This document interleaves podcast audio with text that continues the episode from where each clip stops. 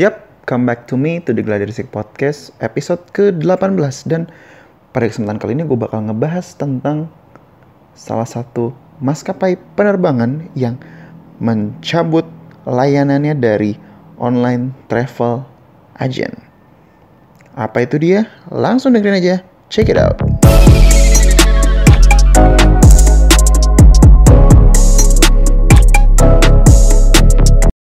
Agu News. Untuk yang pengen tahu lebih jauh kritik atau saran bisa langsung kirim aja ke gladiresik7 at gmail.com atau mention atau direct message juga boleh ke Instagram at gladiresik studio. Stay tune nam podcast Gladiresik. Oke langsung kita bahas aja tentang salah satu maskapai penerbangan yang memutuskan untuk tidak melanjutkan kerjasamanya dengan salah satu online travel agent. Antara AirAsia dengan Traveloka. Bahkan katanya semua layanan. Jadi grup tidak melayani Traveloka lagi. Waduh. Enam negara semua juga nggak melayani Traveloka. Ada apa? Nah, ceritanya saya mengutip dari kompas.com dulu karena banyak nih versinya. Tapi sebenarnya satu, cuman ada versi early-nya. Sebelumnya tiket AirAsia menghilang di Traveloka dan tiket.com loh. Jadi di dua online travel agent tersebut menghilang karena masalah teknis sih di sini bilang.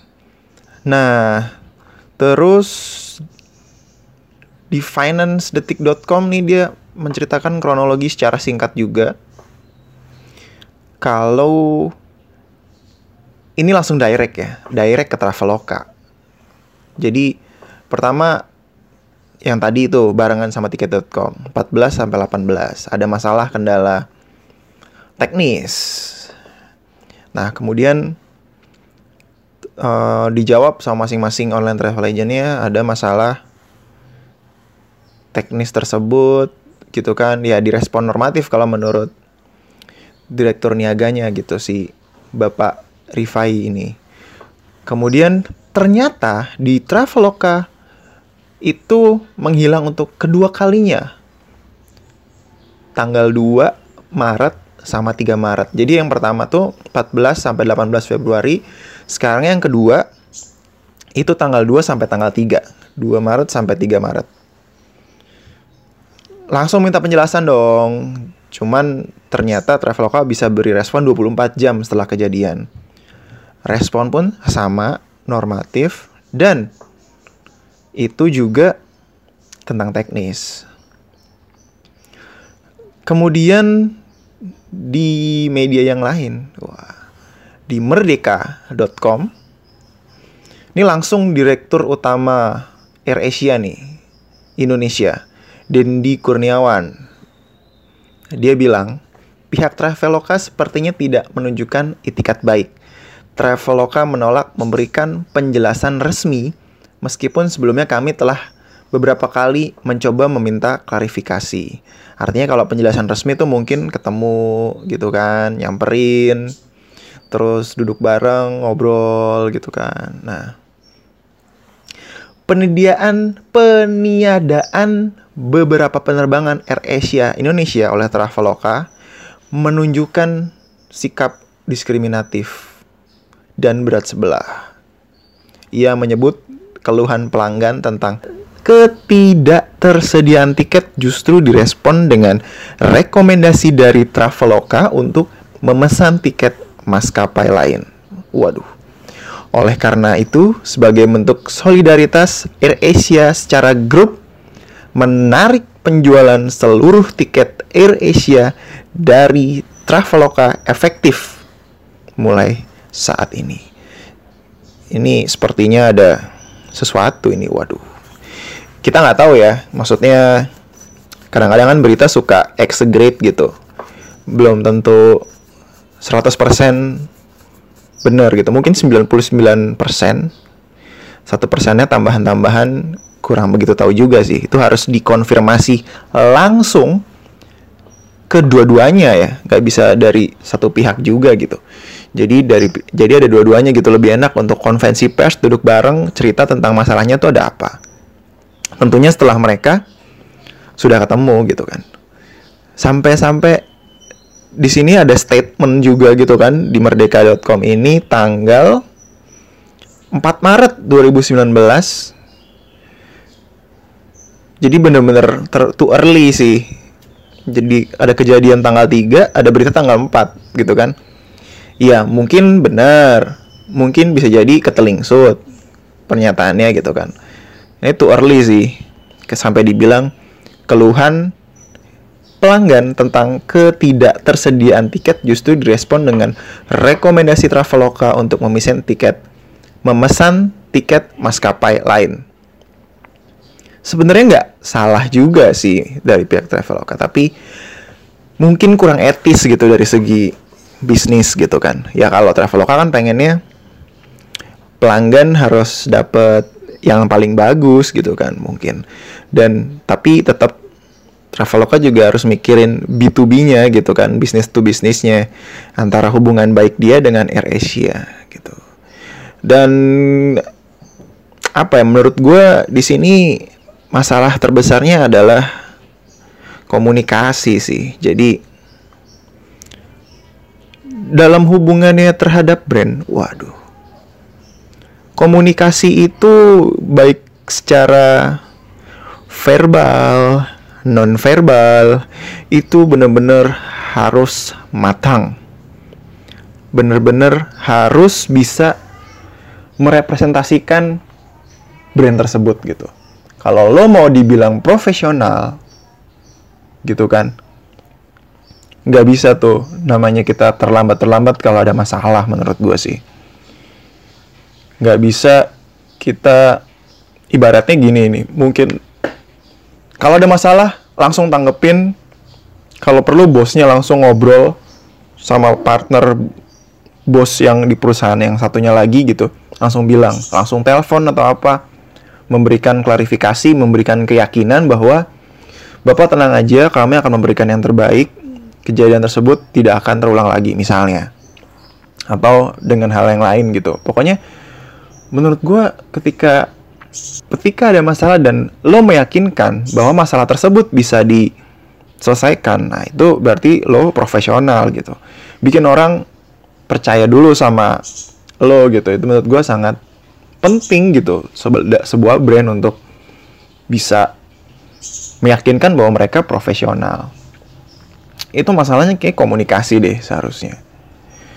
Jadi menurut gue dari PR-nya, public relations-nya Traveloka harus cepat tanggap lah dalam menghadapi segala macam masalah lah terkait apa pun dengan perusahaannya gitu dengan pelanggan, dengan partner bisnis itu itu penting banget untuk menjaga brand. Karena ya di berita muncul isinya kalau kayak gini ya. Ini nih masuknya dalam kategorinya itu negatif. Ada pernyataan seperti ini. Pihak Traveloka seperti tidak menunjukkan itikat baik Traveloka menolak memberikan penjelasan resmi. Nah, kejadiannya kemarin tanggal 3 dan dimuat di tanggal 4. Ada pernyataan seperti ini langsung. Artinya kan pada saat kejadian tersebut mungkin ya, mungkin belum tentu juga gitu. Ada sedikit lambat gitu. Jadi masalahnya ada muncul ternyata hilang tapi responnya nggak langsung cepet gitu bahkan menurut gua mungkin seharusnya ya karena Traveloka tuh uh, base-nya teknologi ketika ada masalah oh tiketnya hilang nih waduh sebelum dikomplain pun udah udah, udah report gitu ke partner bisnisnya kalau ada masalah ini ini ya. Wah, tapi gua nggak tahu ya maksudnya ini kan cuman uh, saran dan masukan dari gue gitu bahwa baiknya kalau sebagai sebuah perusahaan teknologi ya ada early early warning gitulah biar gampang kalau ada apa-apa gitu. Misalnya bisa langsung diinformasikan ke partner atau yang terjadi sama pelanggan gitu kan. Jadinya nggak akan sampai serunyam ini gitu sampai dibawa-bawa ke media segala macem. Bahkan muncul pemberitaan negatif. Nah di sisi pihak AirAsia nya sendiri menurut gue oke okay lah maksudnya boleh. Dia merasa dirugikan gitu dengan kejadian seperti ini sampai langsung ujuk-ujuk menarik masukan dari gue buat Air Asia sih seharusnya sabar dulu gitu ya kasih waktu misalnya dua hari gitu. Salah ingin Selasa. Pokoknya cari ketemu waktu bareng dulu untuk ketemu kemudian menyelesaikan masalahnya bareng-bareng.